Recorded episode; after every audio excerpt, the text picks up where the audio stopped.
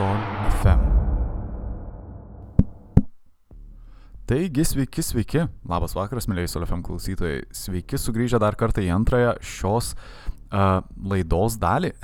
Esmė šio vakaro, uh, šio vakaro pramoginę, sakyčiau, laidą, bet ne visai pramoginę laidą. Uh, kurioje mes šnekam apie įvairiausius, na, įvairiausius samokslus, bet šiandien mes skiriam uh, laiką samokslui, kuris, na, yra išties pavojingas galbūt viskam, sakykim, ką mes žinom, net nežinau kaip tą pasakyti, bet tai yra išties nusidrėginti samokslas, kuris yra nuo netmenamų, sakykim, net laikų. Taip, tai yra dalykas, dalyka, dalykas kuris ribojasi su mūsų suvokimu, ta prasme, žmogaus moralės suvokimu ir panašiai tai yra išties dalykas, apie kurį aš kaip ir minėjau, kuris galimai drieskis jau nuo net menumų laikų, ta prasme, priekyba žmonėmis. Mes kalbame apie priekybą žmonėmis, kuri galimai vyksta iki šiol ir kuri vyko jau nuo senų laikų, kaip ir minėjau.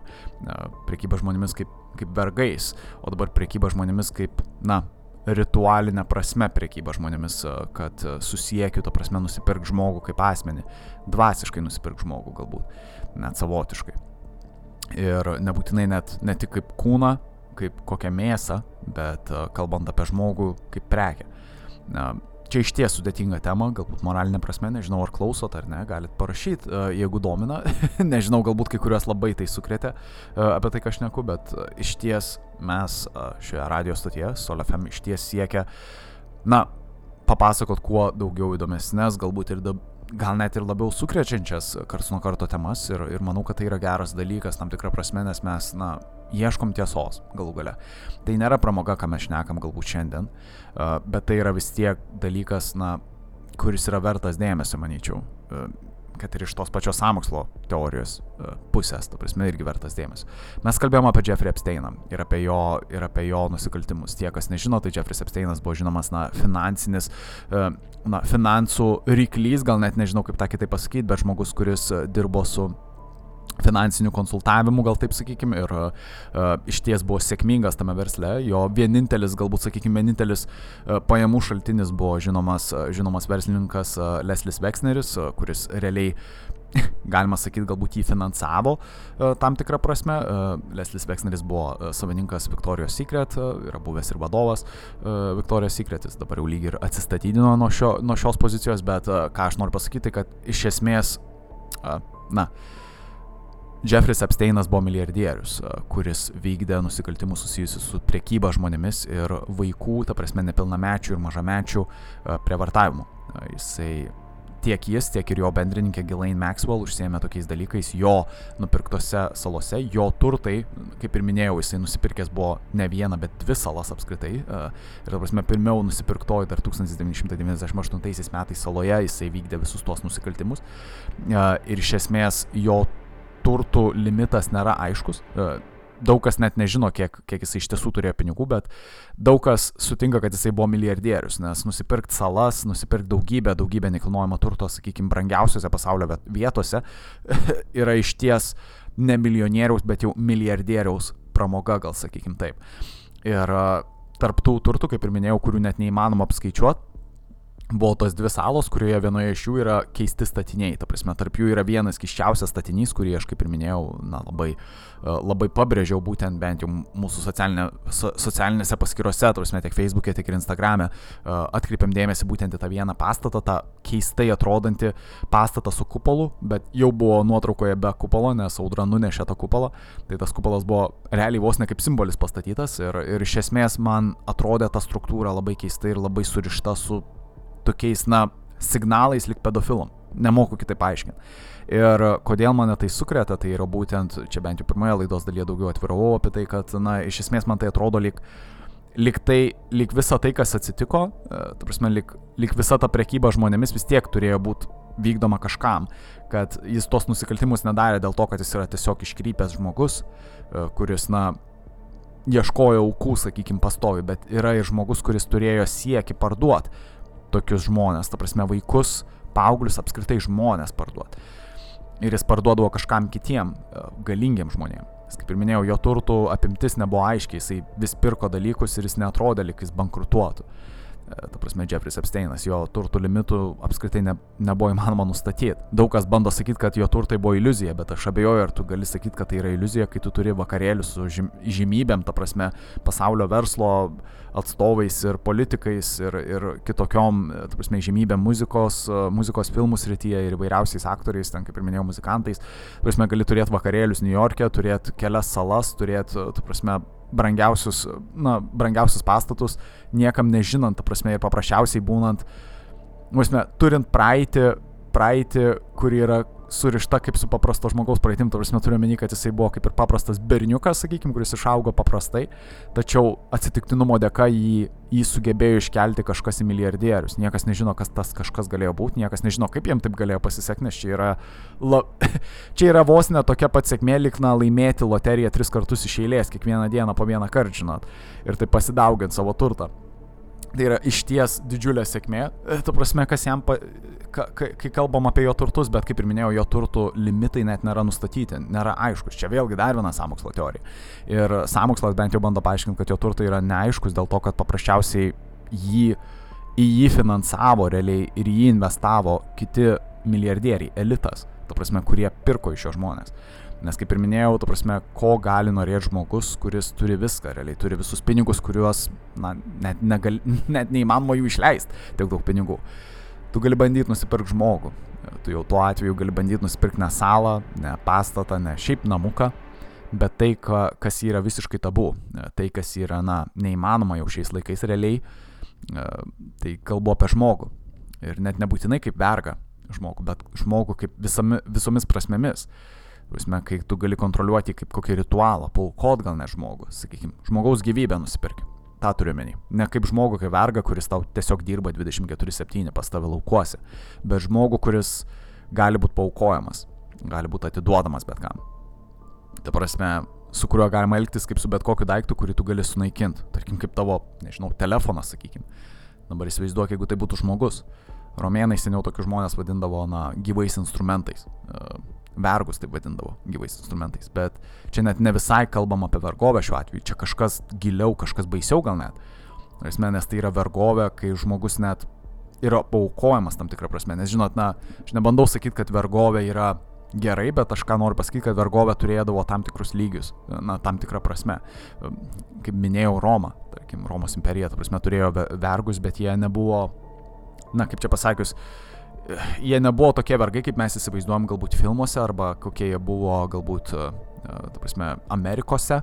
Prasme, mes kai kalbam apie vergus, dažniausiai apie vergovę, dažniausiai mes kalbam apie vergovę, kuri išnyko dar 1865-aisiais, berots, e, Junktinėse Amerikos valstijose. Bet e, vergovė, ta prasme, buvo šiaip kultūros dalis tiek ir pas mus Lietuvoje, galima sakyti, tam tikrą prasme, tiek ir, tiek ir uh, ta prasme, kitose Europos valstybėse ir, ir ta prasme, civilizacijose apskritai. Bet ką mes pamatysime, prasme, mes kalbam dabar jau konkrečiai net nebūtinai apie tą vergovę, kaip ją suprasdavo kaip rumėnai, ten kur vergas būdavo tiesiog negarbingas žmogus, kuris tiesiog atlikdavo darbą savo ponui, bet vergas, kuris, bet mes čia kalbam apie vergovę, kuomet žmogus yra nuperkamas konkrečiai kaip mėsa ar, ar kaip, na, jo gyvenimas yra nuperkamas. Žmogus gali būti parduodamas perparduodamas, ta prasme, ir jis neturi nei dokumentų, neturi jokių ryšių su jokia šalim, tas žmogus, kuris yra parduodamas ir jisai gali būti paukotas, paprasčiausiai kokiam nors ritualam.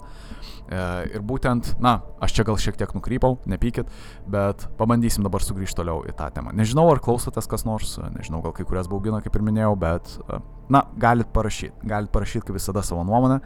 E, Galite paskambinti, jeigu klausotės dabar šeštadienį vakare, galite paskambinti, jeigu nesiklausote jau šeštadienį, klausotės kartojimo, tada galite parašyti, e, kaip visada bandau atrašyti kiekvieną jūsų žinutę e, ir bandau, na, kuo rimčiau atsakyti. Čia yra išties rimta tema, negalvokit, kad aš čia bandau juokauti, iš karto atsiprašau, jeigu atrodys, lyg, lyg aš kažką bandau įžeisti.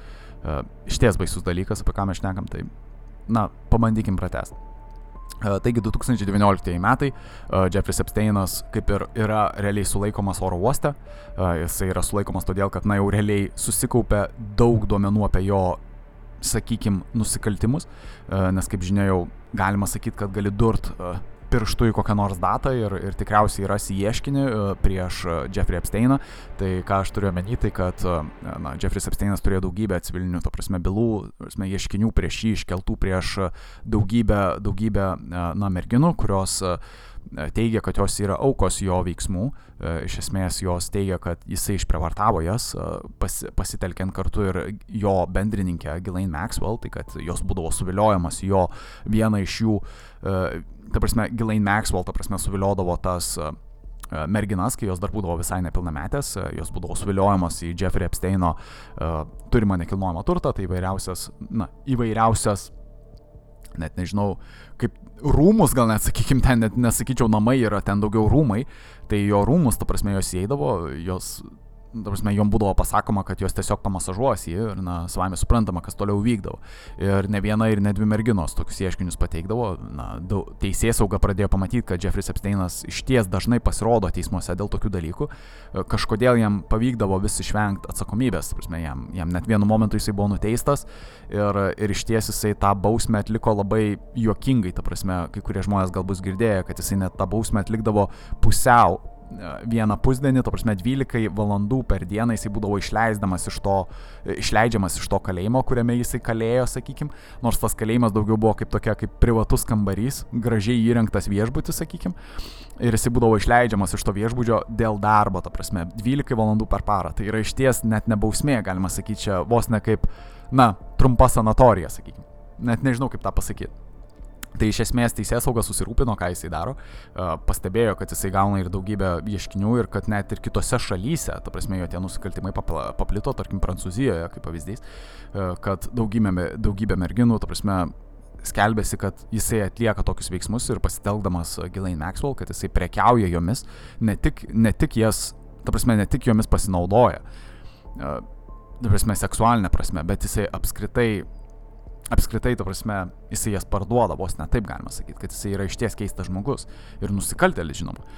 Ir teisėjas sauga pradeda nagrinėti, jie, jie atlieka kratą, ta prasme, jo, jo namuose, vienose iš jo, iš jo namų. E, jie atranda daugybę nuotraukų, daugybę dokumentų, kurie realiai implikuoja jį, ta prasme, realiai jį na, jau nuteisė vos ne vietoje, galima sakyti, nes ne kiekvienas žmogus turi tiek nuotraukų, sakykime, ir tiek vaizdo įrašų, nes taip iš ties daugybė, kaip ir minėjau, daugybė, daugybė medžiagos, kuri realiai uh, jį nuteisė iškart vietoj. Tai žmonės, esmė, tyrėjai iš karto nusprendžia jį sulaikyti, jį sulaiko dar 2019 metų e, vasarą, iš karto jam nutūpos lėk, iš lėktuvo, ta prasme, jį iš karto sulaiko, jį uždaro, sakykime, celę, e, jam būna, na, iškviečiama kaip ir ta, sakykime, pastovioji priežiūra, tai yra, kad jisai nenusižudytų realiai, čia gal taip sakykime, Ir jisai yra stebimas 24-7, kitaip tariant, taip ūkiškai.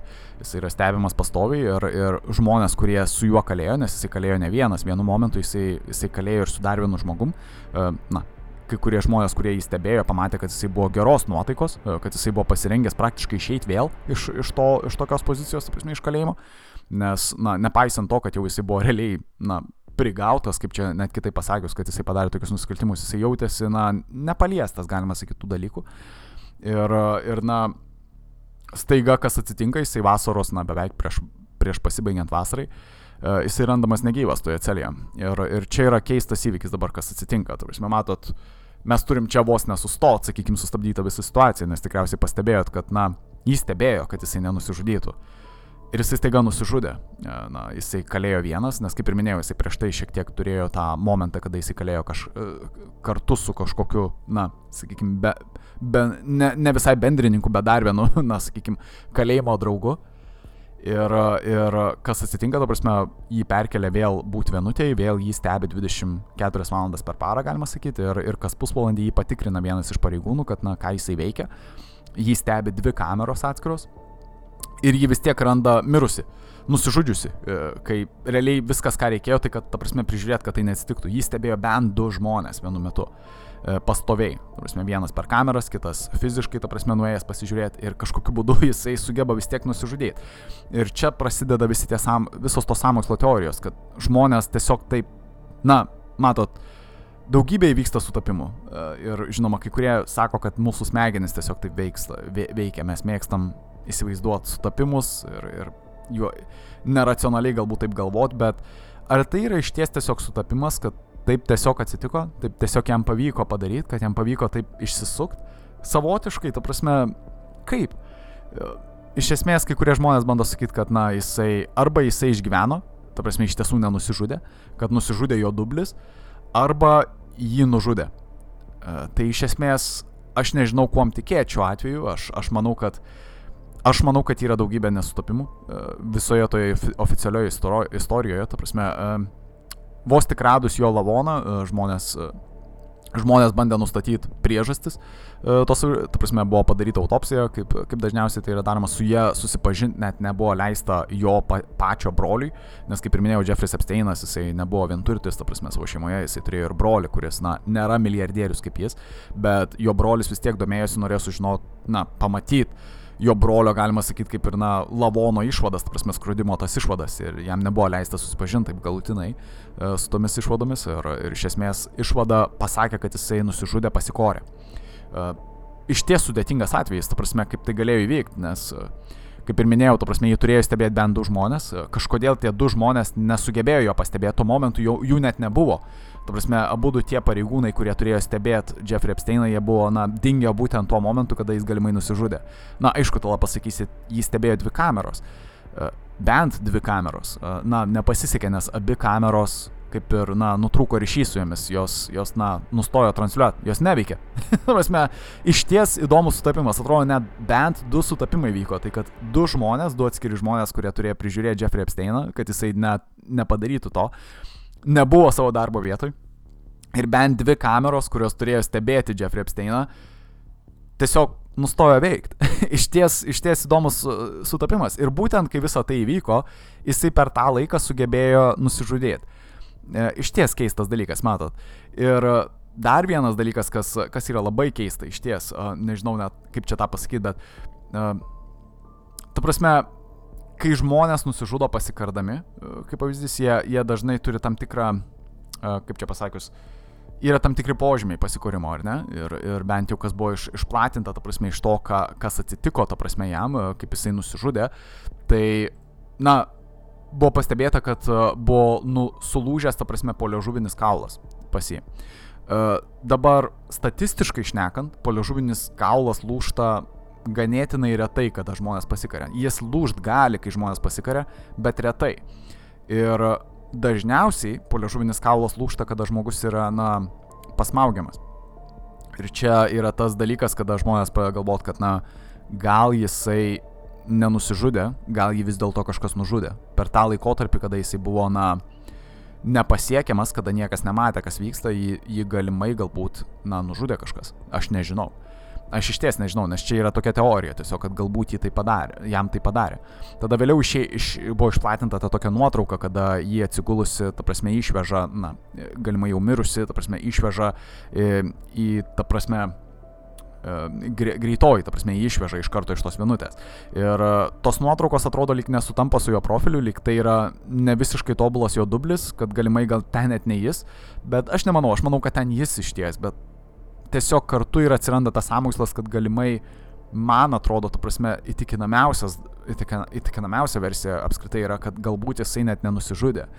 Nes kaip ir minėjau, jo nuotaika buvo gera, e, kiti žmonės stebėjo, kad jo nuotaika buvo gera ir apskritai jam net ir buvo dėl ko būti geros nuotaikos, nes galimai buvo ir, na, e, jisai galimai laukia artimiausiomis dienomis e, artėjančio na, teismo posėdžio, kurio metu jam galėjo būti suteikta galimybė sumokėti užstatą ir būti paleistam. Tai jis net galimai galėjo išeiti laisvę prasme, bent jau tam tikram laikotarpiu, kol buvo nagrinėjama byla. Jūs tikriausiai suprantat, ką turiu menį. Sumoka tą mokestį, sakykime, tokį užstatą ten Junktinės Amerikos valstijose ir jisai būtų išleistas, tai jisai, kadangi jis buvo turtuolis, jisai galėjo tą susimokėti užstatą ir jisai net ir buvo gerose nuotaikose, jisai būtų paleistas. Bet staiga jis nusižudo, ta prasme, iš karto vos nesekančią dieną labai keistas įvykis. Osme, daugybė žmonių iš karto iškelia tą versiją, kad galbūt jisai tiesiog nusižudė. E, ne, nenusižudė tiksliau, jį tik tiesiog, na, nutildė kažkas. E, ne, ne šiaip kažkas, o jo tie klientai, kurie buvo, na, tie patys elitas, to prasme, tas pats elitas, kuris, kuris nusprendė savo atpirkimo ožį, tai yra Jeffrey Epsteiną nutildyti. E, nes galbūt Jeffrey Epsteinas žinojo daugiau nei, nei mes įsivaizduojam. Tuo tarpu Ghislaine Maxwell, kuri irgi buvo kaip ir bendrininkė ir jinai vis dar yra gyva, prieš kurią vyksta vis dar tas teismas, sakykime, dėl, dėl, tos, dėl to viso, dėl tos visos priekybos žmonėmis. Nežinau, ar ta byla, tos bylos eigoje pavyks ką nors daugiau išaiškinti, nes realiai galbūt jinai buvo tokia kaip ir bendrininkė, kuri dar buvo vis tiek, netiek gal daug žinojo. E, jos tėvas, ta prasme, iš ties, e, iš ties buvo įtakingas žmogus ir, ir galimai jisai ir, ir buvo dar dalis, e, dalis pinigų šaltinių, ta prasme, Jeffrey Epsteino, Epsteino, ta prasme, kapitalo pradžiai. Bet mes to nesužinosime iki galo, ta prasme, visos, visos tos istorijos. Aš manau, kad kadangi Jeffrey Epsteino jau dabar nebėra, mes tos galutinai istorijos neišnarpliusim.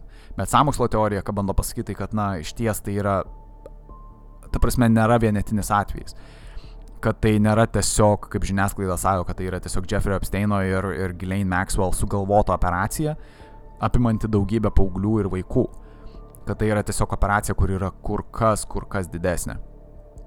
Prasme, ir tai yra tiesiog samokslas, aš nebandau sakyti, kad taip yra iš tikrųjų ir panašiai, bet na, samokslas bando išaiškinti, kad, na, tiesiog ta operacija yra labai gili, prasme, jinai apima elitą pasaulio.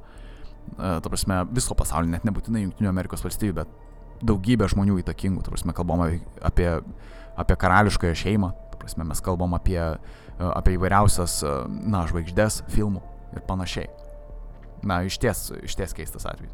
Bet mes sugrįžtam prie to pačio pastato, tu prasme, ir, ir būtent tai mane patraukė, man galbūt tą dėmesį, kad būtent tas pastatas ir, ir na, mane taip ir nuvedė tuo keliu, kad, kad galbūt reikia panagrinėti šitą bylą, nežinau, plačiau, kad galbūt reikia šitą atvejį panagrinėti, net nebūtinai man, bet patiem tyrėjim, kurie sprendžia šitą bylą su Ghislaine Maxwell šiuo metu, uh, ta prasme, kurie bando viską išnarpliot, kad jiem galbūt reikia pažvelgti iš tos kitos galbūt pusės, iš tos vos ne, nežinau, ezoterinės pusės, iš tos ritualinės pusės, kad galbūt, na, galbūt tas elitas gali užsiimti tokiais dalykais, kad galbūt elitas ne, neskrido tiesiog šiaip savo į tą, į tą salą.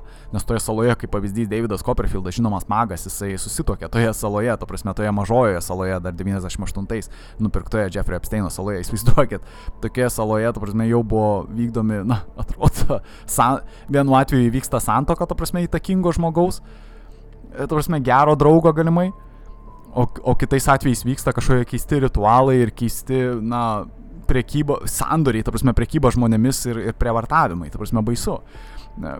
Taip, aš abejoju, ar tai įmanoma taip tiesiog atskirti tos du pasaulius. Aš manau, kad jie susiplakė toje vietoje. Ir tas elitas, būtent, kuris lankėsi tose salose, jisai galimai galėjo pasinaudotomis paslaugomis. Įsivaizduokit, įsivaizduokit, mes dabar negalim tokiais dalykais prekiauti.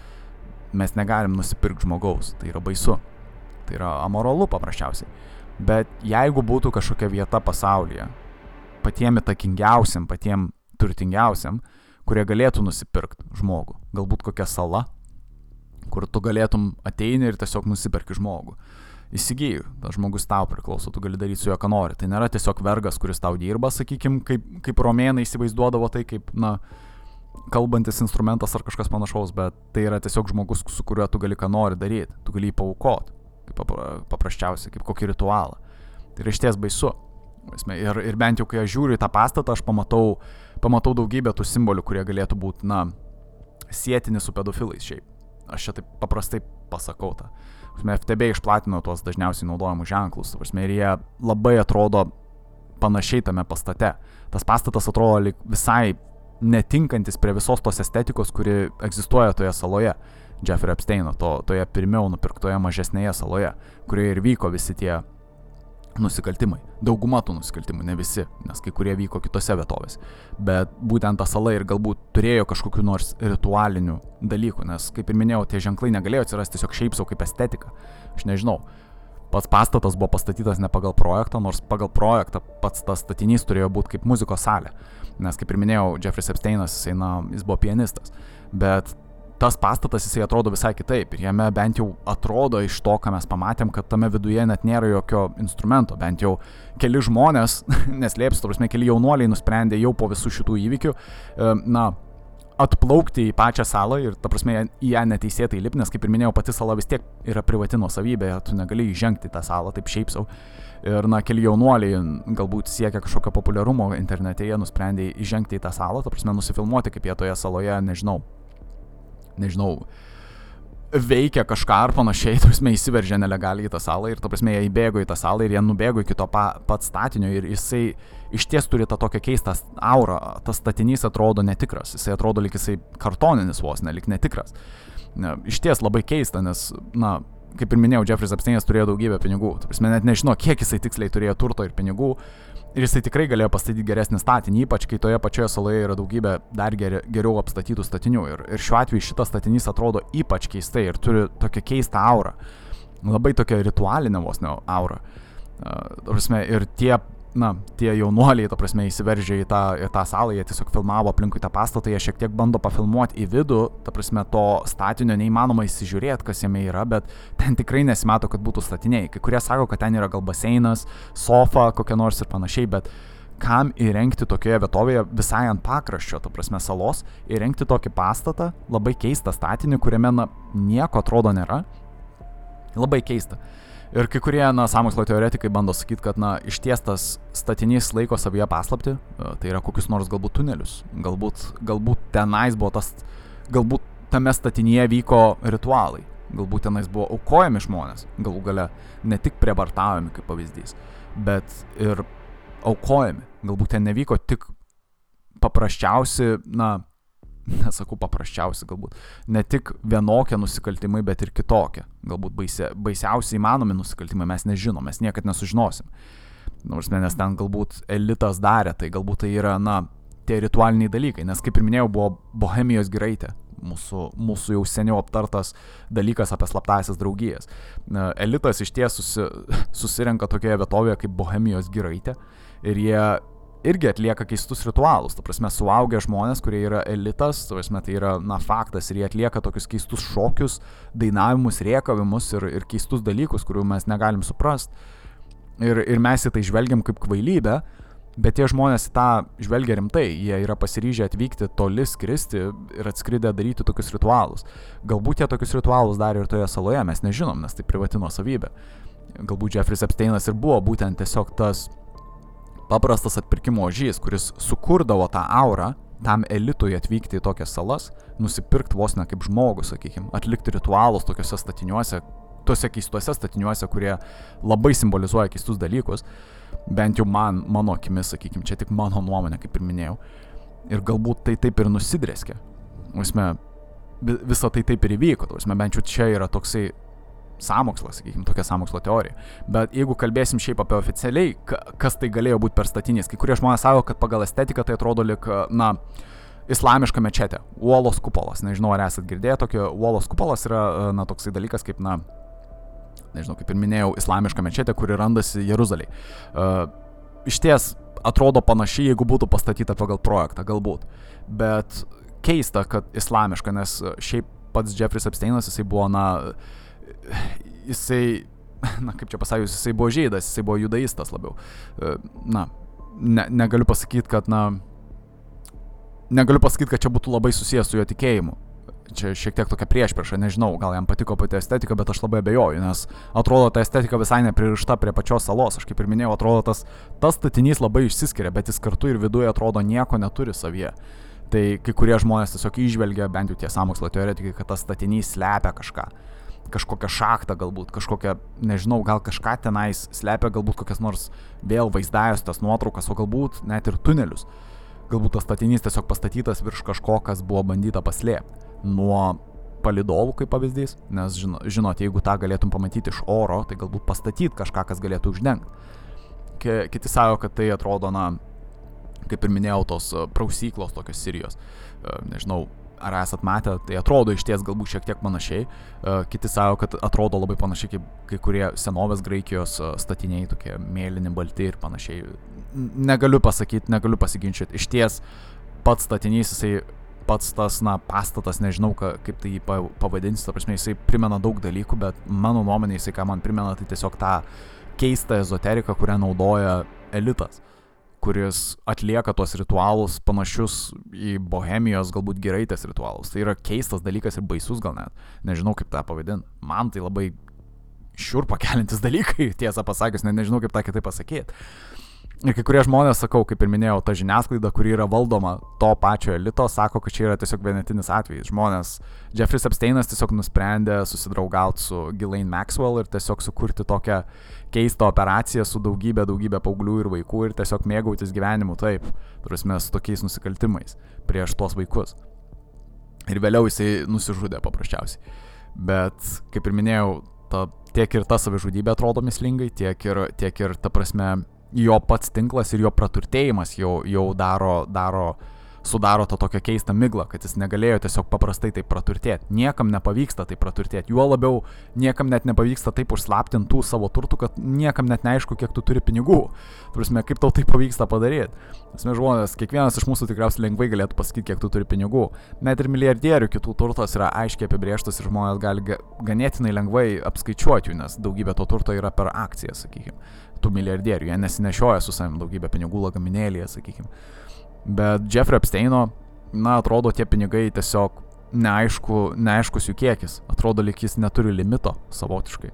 Ir galbūt jisai iš ties neturi limito, nes galbūt jisai yra finansuojamas to elito, kuris ir lygiai taip pat neturi limito, ta prasme, savo kišenėse, neturi limito nei, nei pinigų prasme, nei savo norų prasme. Iš ties baisus dalykas. Ir realiai turėtumėm uždaryti šios dienos temą, bet pabaigai galbūt pasakysiu, kad žmonės, mes visada bijojom tokių dalykų. Prasme, bijojom priekybos žmonėmis, prasme, nes ta priekyba žmonėmis net kartais skamba blogiau, noriu sakyti, net blogiau nei vergyja. Nes vergyja būna toks kaip įteisintas dalykas, suprantat, ką turiu menyje. Tai gan baisus šiaip dalykas, tai vėlgi amoralus dalykas, nes nesupraskit manęs E, kažkaip priešingai, negalvokit, kad aš kalbu, kad na vergyja yra geras dalykas, tikrai ne. Aš ką noriu pasakyti, kad tiesiog vergyja kiekvienu momentu, kiekvienoje kultūroje turėjo na, galbūt šiek tiek skirtingą prasme. Bet uh, prekyba žmonėmis skamba kur kas galbūt šiek tiek baisiau.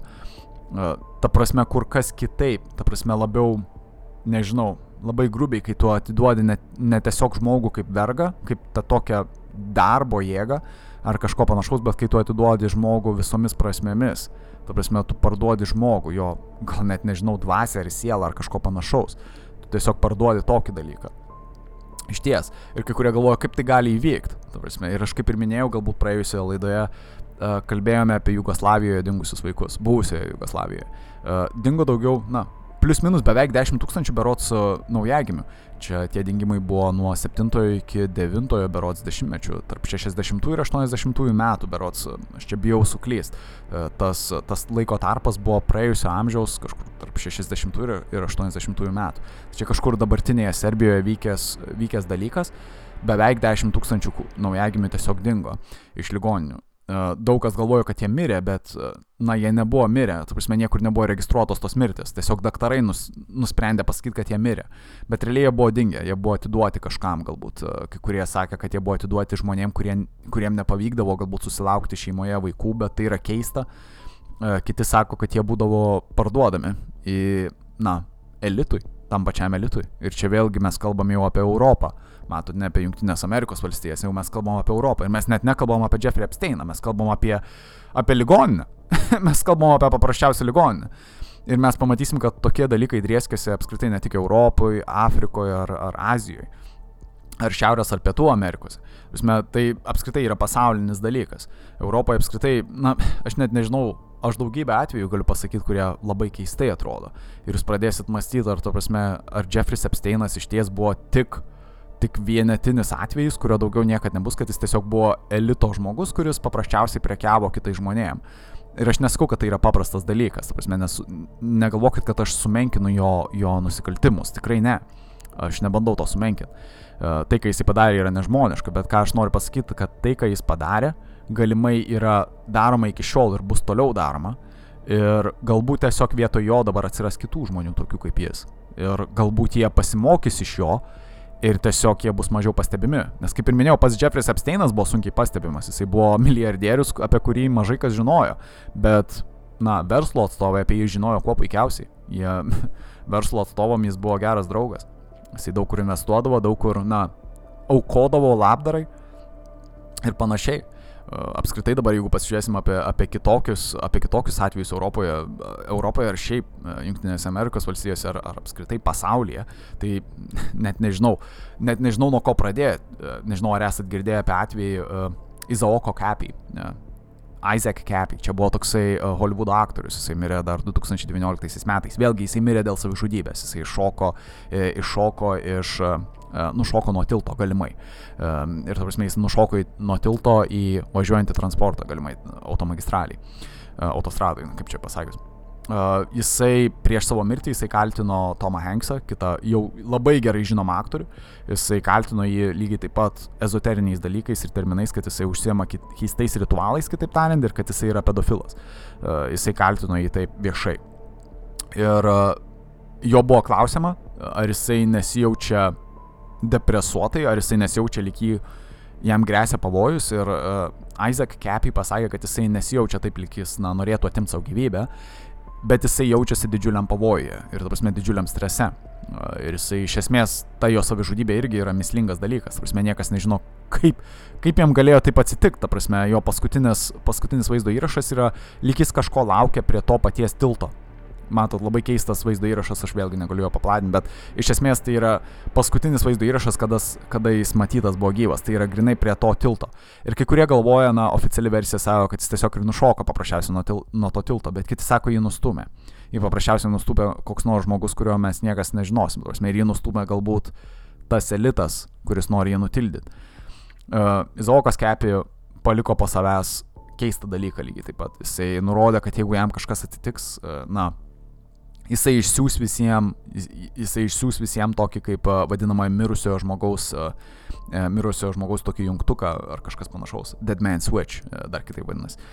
Pabandykite įsivaizduoti, kai, na, kai žmo, kaip čia pasakius tą, tą, tą terminą apibūdint, aš čia nenoriu suklaidinti dabar tie, kas besiklauso, bet jeigu kažkas tau atsitiktų, tu galėtum paplatinti informaciją. Tai įsivaizduokit, tai dabar veikia per elektroninį paštą, tarkim, galite užsi, užsiregistruoti tokią funkciją pasidaryti, kad tarkim, jeigu tu nepaspaudi, sakykime, savo telefono laiku ar kažkas tau atsitinka ir tu nepaspaudi dėl to, tai išsisiunčia tam tikras pranešimas, sakykime, žmonėm ir panašiai. Tai tarkim, užstatai kokį nors, nežinau, pranešimą žiniasklaidai, prisegi kokios nors daug informacijos ir panašiai. Ir tu užsistatai taip, kad jeigu, tarkim, kiekvieną dieną, ten kokią 12 val. per kokias, nežinau, 10 minučių nespėsi paspausti savo telefono, tai visas tas dalykas išsisiūs tai žiniasklaidai, sakykime, kokie nors svarbus duomenys. Tai Isaac Kepi padarė kažką panašaus, jisai prisegė tokį keistą vaizdo įrašą. Jisai nurodė, kad čia yra jo tie įrodymai, galima sakyti. Ir, ir jisai vienu momentu, na, kaip ir minėjau, tą paminėjo, ta prasme, savo vaizdo įrašuose, ta prasme, jisai dažnai transliuodavo savo tuos pasakojimus apie Tomą Hanksą ir savo tos kaltinimus. Ir vien, na, ir, ir kai viskas atsitiko, atsitiko, ta prasme, jam mirus, uh, jo tas, e, jo ta sistema suveikia ir jo visi tie įrodymai paplito. Ir tie įrodymai yra realiai vaizdo įrašas, kuriame matosi vaikai, kurie yra prausyklai. Matot, vėl keista simbolika, ta prasme tiesiog nufilmuoti vaikai, kurie, na, prausyklai vaikščioja. Ir, ta prasme, iš ties labai keista atmosfera susidaro. Ir kai kurie, na, ofici oficialiai, ką bando paaiškinti, tai kad tai yra normalus dalykas, matyt, uh, daugybę vaikų prausyklai, kurie labai keistai elgesi, ta prasme, lyg bando pasiemti vandens ir kažkur nunešti ir panašiai, bet kiti žmonės vėlgi iš samokslo teorijos pusės iškart mato, kad, na, tai vos ne tas pats, kas yra Jeffrey Epsteino, ta prasme, saloje. Šiuo metu dabar yra, galbūt tai yra tokia prausykla, kai jisai įrengė panašio, panašaus pobūdžio prausyklą, nes tokios prausyklos yra įrengiamos kiekvienose tose vietose, kur vyksta tokio pobūdžio galbūt ritualai su vaikais. Na, sunku net paaiškinti, prasme, tai yra toks susijęs, atrodo, dalykas nežinau, minėjau apie Vatikano salės vidų, kaip apie keistus ritualus, bet tai ne visai galbūt susiję su pedofilija, galbūt kaip mes, kaip mes galbūt tą sakysim, bet na šiaip Vatikanas dažnai, dažnai pasitaikydavo tokiuose bylose, bet čia galbūt šios laidos esmė nėra šitas samokslas, bet čia bus galbūt kitam kartui. Uh, bet kaip pavyzdys dar, uh, Brian Peck, nežinau ar esate girdėję, jisai buvo aktorius Nickelodeon uh, vaikų tokiam, tokiam kanale, uh, žemėjame, jisai buvo nuteistas dėl na, priekabiavimo ir na, seksualinio nusikaltimų prieš vaiką, ta prasme, prieš beros paauglį ar, ar vaiką mažametį, aš bijau suklysti.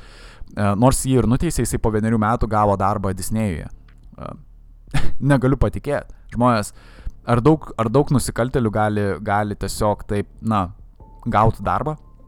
Kai kurie žmonės, vėlgi oficiali versija sako, kad na, jis turėjo pažįstamų gerų draugų ir daug pinigų ir jam tiesiog pavyko na, per draugus susirasti naują darbą. Bet žmonės, įsivaizduokit, jeigu jūsų draugas būtų na, nuteistas dėl na, pedofilinių tokių nusikaltimų, ta prasme nusikaltimų prieš mažus vaikus, ar jūs samdytumėt tokį draugą pas save? Ta prasme, čia yra nesuvokiamas dalykas. Man keista. Ir prasme, toks žmogus sugebėjo rasti darbą po vienerių metų ir toliau dirbti ir, ir tokioje industrijoje, toliau filmų industrijoje dirbti su vaikais kitais. Prasme, Disnėjuje. Ir Disnėjos filmuose šiaip dažnai yra naudojami tie simboliai, kurie FTB, kuriuos FTB šiaip išplatino kaip na pedofilinius, minėjau, simbolius, tos, tas spiralės tokias, trikampinės spiralės ir šiaip visi tie tokie, na, keisti siluetai, kurie, na, simbolizuoja tą, tą tokį potraukį vaikam, baisu iš tikrųjų galvoti apie tai. Ir, tu prasme, Disnėjaus animaciniuose filmuose tu tą gali pastebėti. Aš nebandau sakyti, kad tie filmai tą rodo, tu prasme, kad tą reiškia. Nesupraskite to neteisingai. Aš to dažniausiai gal prašau kiekvieno klausytojo, kad jūs negalvokit, kad visi mes dabar esame apsupti tų pedofilų, bet ką aš noriu pasakyti, kad tiesiog galbūt tas elitas užsiema tokiais keistais dalykais, apie kuriuos mes sunkiai galim suvokti. Paprasčiausiai ir galbūt, galbūt tai nėra tik tais izoliuota, na, iz, izoliuotas atvejis tarp Jeffrey Epsteino ir, ir Ghislaine Maxwell. Gal tai yra daugiau einantis giliau einantis dalykas, kurio, kurio, apie kurį mes nieko nežinom. O Jeffrey Epsteinas, galbūt kaip samokslo teorija sako, yra tik tais atpirkimo žys viso to reikalo. Tai yra baisus dalykas. Gal girdėjote apie Plan International, irgi organizacija, kuri skelbėsi, kad padeda vaikam ir panašiai. Pati organizacija dar 2018-aisiais įsivėlė į didžiulę problemą dėl tų visų vaikų, dėl seksualinio priekabiavimo prie vaikų. Lygiai taip pat, to prasme, organizacija, kuri skelbėsi tokius dalykus. Įsijunkit tą organizaciją, pasižiūrėkit, kas jai vadovavo. Jai vadovavo, na, tokia belgų kilmės, ta prasme, vadovė, uh, Regine uh, de Barbander, man atrodo taip uh, sa sakosi jo, jos vardas pavardė. Dabar pasižiūrėkit jos auskarus. Lygiai taip pat pedofilinė simbolika. Baisu. Žmonės galvoja, ta prasme, aš kaip ir minėjau, ta simbolika, kokia yra esmė to simbolių, kad kai kurie žmonės tos simbolius supranta kaip signalą kaip pavojaus signalą kitiem, kaip, kaip signalą tiem patiem, uh, tiem patiem, sakykime, galbūt elitui ar tiem kitiem nusikaltėliam, tom mafijom, organizuotam nusikalstamui, tie simboliai reiškia vos nekvietimą, prasme, susipažinti ir toliau bendradarbiauti su tokiais žmonėmis. Tuo tarpu kitiem žmonėms tai yra tiesiog menas, meninė išraiška. Ir, ir staiga aš tą pastebiu dažnai ir moderniam mene, ta prasme, kad tas modernus menas, tai, ką jisai simbolizuoja ir ką jisai rodo, jisai dažnai naudoja tuos simbolius, kurie galėtų būti sėtini su priekyba žmonėm ir sėtini apskritai su, su na, su pedofilija, tai paprastai tariant. Ir galbūt tas modernus menas lygiai taip pat per tą meną yra bandoma išreikšti tokius dalykus. Prasme, užslaptinti tuos dalykus. Kad, kaip ir minėjau, kai kurie žmonės mato tos simbolius ir iškart supranta esmę to, to meno, o kiti menininkai tiesiog sako, ne, čia yra tiesiog tokia išraiška, čia yra tiesiog menas ir jisai yra, na, tu nesupranti tiesiog. Suprantat, ką noriu pasakyti.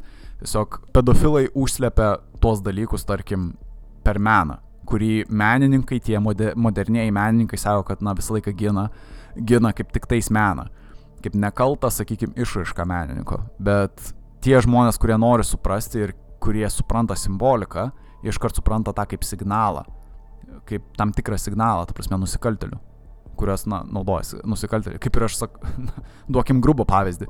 Aš išbražyčiau, tarkim, svastiką, sakykime. Čia yra simbolis, ta prasme, tam, tik, tam tikras simbolis ir žmonės iš karto tą supras kaip, na, nacionalsocialistų, ta prasme, simbolį, iš karto visi galvos, na, tu nacis.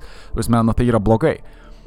O aš, tarkim, atsistojus, skaičiu, čia tiesiog yra menas, žinok, žmonės, čia tiesiog yra meninė išraiška. Tam tikra prasme, taip, svastika yra, na, kaip, ta, budizme beros e, naudojamas, ta prasme, simbolis, bet, na, jūs suprantat, ką turiu omenyje apie svastiką. Iš karto įsijungia tas protas, kad, na, aš tikriausiai bandyčiau kažką blogo uh, E, turėčiau omeny, jeigu aš iš, išgraviruočiau kur nors svastiką, aš iškart visi galvotų apie Adolfą Hitlerį, visi galvotų apie, na, antrojo pasaulinio karo, holokausto, sakykime, įvairiausius, ta prasme, nu, nusikaltimus prie žmoniją apskritai pradėtų visi galvoti. Niekas negalvotų apie tai kaip tiesiog meną. Tai panašiai tas dabar, dabartinis simbolizmas moderniam mene ir veikia mano nuomonė. Tai prasme, kad daugybė nusikaltimų gali būti paslėpiami per tą simbolizmą. Tie tokie dalykai, kuriuos, na, kaip pavyzdys tas sakykime, tie visi tokie dalykai, kuriuos daro modernaus meno atstovė pavyzdys Marina Abramovič, ar ne, daugam yra labai didžiulė ikona, sakykime, aš, aš nesiginčiusiu su tai žmonėm. Uh, Marina Abramovič, jinai yra jinai daug daro tokių kaip ir aktų, sakykime, net nemoku kaip pavadinti, ką jinai daro, bet tai yra menas vadinamas, modernus menas, ką jinai daro, tai, tai yra performansai. Jinai atlieka įvairiausius performansus ir jos performansai yra bent jau tų žmonių, kurie paprastai žiūri juos, galbūt ne iš meninės pusės, e, atrodo kaip ritualai. Žmonės žiūri juos kaip ritualus. Tuo tarpu, na, aš kaip pasižiūriu, e, ta prasme, aš kaip pasižiūriu, aš irgi pradedu galvoti, kad tai atrodo vos ne ritualai. Tuo tarpu paprasti menininkai, galbūt ne paprasti, galbūt labai intelektualūs menininkai, į tai žiūri kaip į, na, į meną, į labai gražų dalyką. Bet man tai atrodo lik savęs kankinimas, na, žiauri, žiaurus dalykai. Ta prasme, dažniausiai susijęs su nuogybėmis, su kūnu. E, ta prasme, nemoku paaiškinti, bet labai tokie keisti ir, ir na, gal net gal net šlikštoki dalykai, ką daro Marina Abramovič, prasme savo kūną, jinai žaloja save ir tą bando pateikti kaip tipo meną, bet, na, sakau, kai kuriems žmonėms ir, prasme, dažnai, jeigu pasižiūrėsi tiesiog labai paprastai, ką tu darai, tai netrodo kaip menas. Ir tai neturėtų būti menas, laikytina galbūt menu, nors visi sako, kad menas gali būti bet kas, bet aš, aš nesutinku su tuo. Tai atrodo tiesiog kaip ritualas. Satanizmas, nežinau kaip tą pavadinsi. nežinau.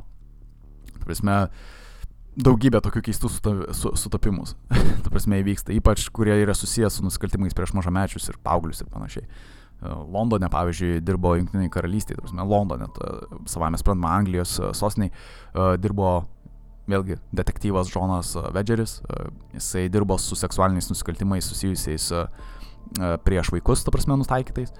Ir, na, jam pradėjus artėti vis labiau prie to elito, tu prasme suprantat, kad visi tie nusikaltimai turi kažkokį aukštesnį žmogų, užsakovą tą aukštesnį, e, jam vadovybė, jo vadovybė liepia nutraukti tyrimą, tiesiog, kad jisai daugiau nebesigilintų. Keistas dalykas.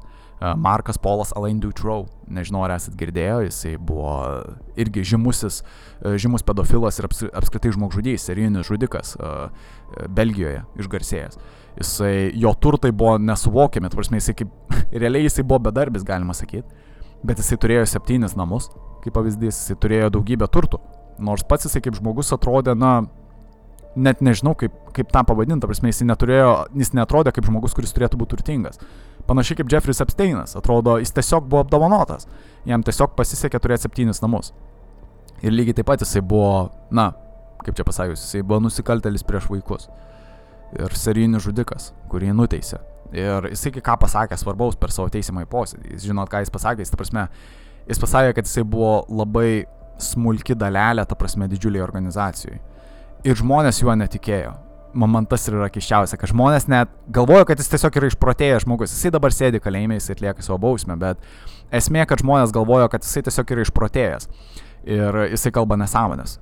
Bet aš manau, kad jo žodžius reikėjo patikrinti. Aš manau, kad dėl to reikėjo patikrinti, na, ką jisai žino, išsiaiškinti, bet niekas neskyrė jam to dėmesio. Nors jisai pats teisme nurodė, kad taip, jisai yra tas nusikaltelis, bet jisai, jisai yra tik labai smulki dalelė organizacijos, kuri valdo, kuri veikia net ne tik Europos lygmenių, bet visur. Ir Belgija nėra taip toli nuo mūsų. Pas, ta prasme, žmonės iš ties tai gali drėktis labai toli. Ta prasme, labai toli ir labai giliai, aš net bijau kalbėti. Nežinau daug kas mėgsta dar kalbėti, ta prasme, kad, na, ką daryti tokiu atveju, ta prasme, kaip elgtis, prasme, ką mes galim padaryti. Ir iš esmės aš nežinau, aš, aš nesu tas, kuris gali atsakyti.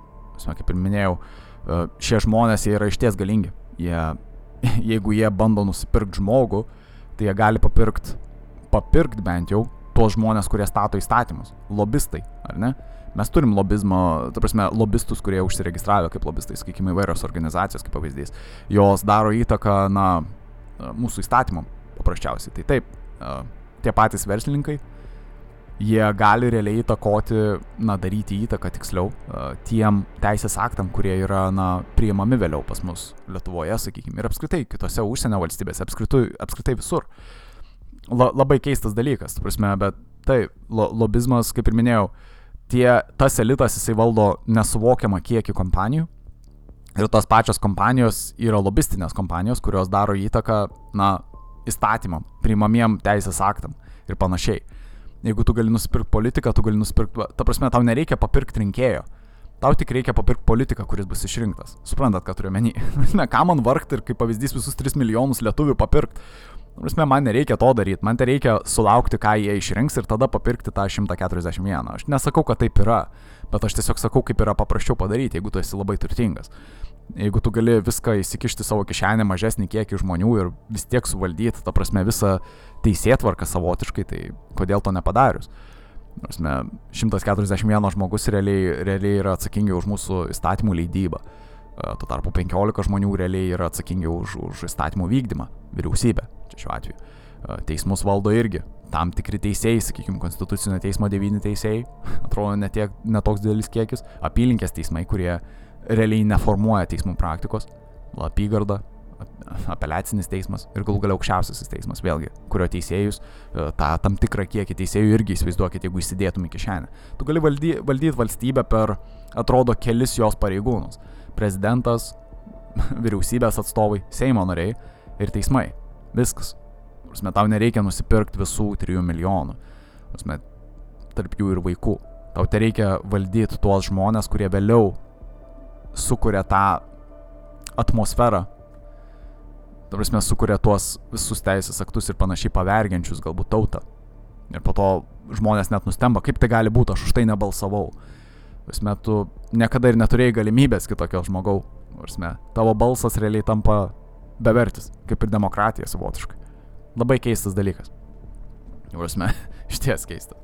Net nežinau. E, kai kurie dar galvoja, kad, na, labai lengva tą padaryti, ta prasme, labai lengva viską susekti vis tiek turėtų būti kažkokių daugiau įkalčių, kaip pavyzdys žmonės savo, kad, na, Jeffrey Epsteinas vis tiek turėjo turėti kažkokių, na, užrašų, kokių nors įkalčių, kad tai darė kiti žmonės.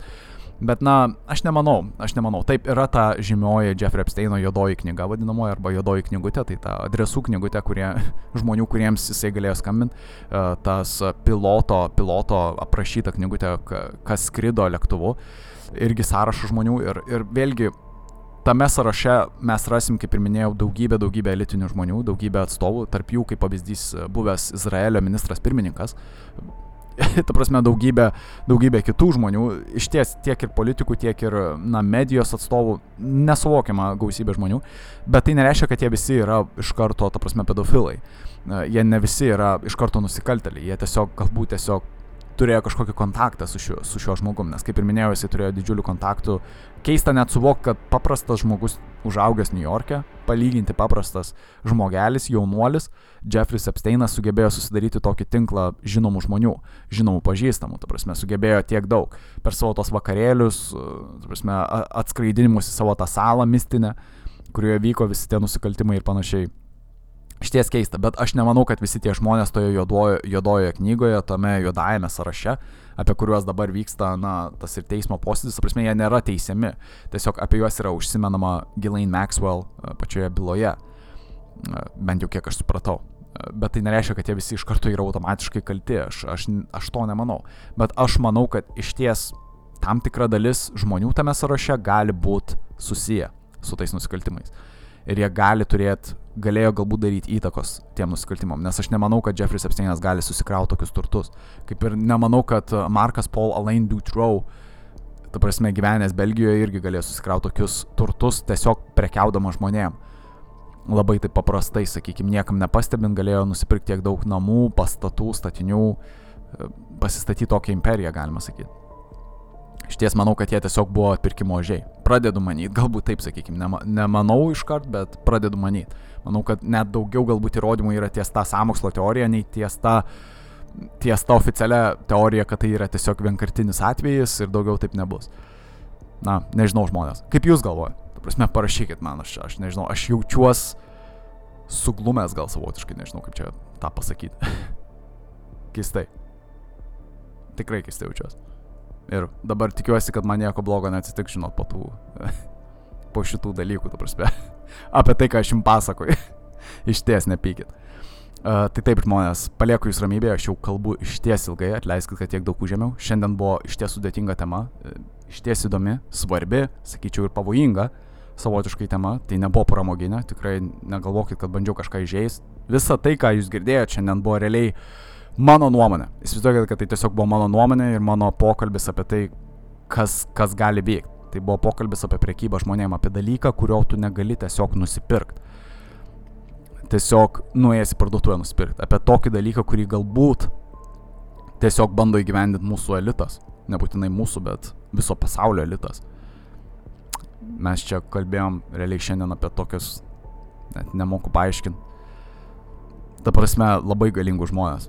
Ne, ne šiaip žmonės, kurie matosi televizijoje, sakykime, ar kalba per radio stotis, bet žmonės, kurie valdo visą tai, kurie filmuoja tos žmonės, kurie duoda įsakymą filmuoti, kurie galbūt duoda tiem žmonėm duoti įsakymą ir, ir galų gale aukščiausiam žmonėm, kurie valdo visą tą dalyką, kurie gali tiesiog viską užbaigti.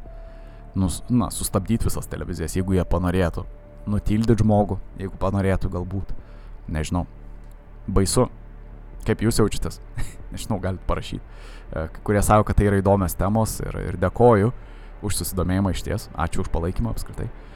Ir, na, tikiuosi, kad pasiliksit toliau. Čia bus kaip ir šio vakaro tema. Turiu užbaigti, atleiskit, vis atrodo negaliu užbaigti normaliai, nes man labai patinka su jumis šnekėtis, bet turiu pabėgti. Ir dėkoju labai už jūsų dėmesį. Labai. Ir paliksiu jūs ramybėje žmonės, paliksiu jūs šiek tiek galbūt su baime, šiek tiek tokia širdį ir panašiai, bet tikiuosi, kad susitiksim, tikiuosi, kad susitiksim jau kitą savaitę, kalbėsim apie kitus samokslus. Uh, E, ir samokslo teorijas ir panašiai, ir, ir kitas istorijas. Kaip visada, nepamirškit prisijungti penktadieniais ir šeštadieniais. Uh, ir taip, žmonės patiko man su jumis šiandien pabendrauti, nors ir kalbėjau su savimi. Bet taip, galim susirašyti, parašykit, ką manot, parašykit iš vis, kaip jūs galvojat, ar mus gali kontroliuoti kažkas, kad galbūt, gal kažkas vis dėlto gali. Yra galbūt pasaulyje kažkokia sala, privati sala vis dar, kurioje galbūt žmonės gali nusipirkti kitus žmonės. Tiesiog parašykit. Ar, ar jūs manot, kad tai tiesiog vienkartinis atvejis gal? O gal jūs manot, kad vis dėlto yra kažko daugiau, ko mes nežinom? Parašykit, visada mėgstu pasirašinėti su jumis. O iki to laiko, nežinau, paliksiu jūs ramybei, paliksiu jūs dabar jau iš ties ramybei ir uh, pasiklausykit geros muzikos, nežinau, uh, pailsėkit jau nuo mano, žinot, tų visų ke keistų dalykų ir panašiai. Gal tai tik samokslo teorijos, gal tai tik mano nuomonė, žinot. O gal vis dėlto už viso to slypi kažkokia tiesa palieku su jūsų apmąstymai žmonės. Iki to laiko, iki iki, iki kitos savaitės arba iki pirmadienio, jeigu mėgstat žinias. Nežinau, iki buvo malonu. Gerą vakarą, iki.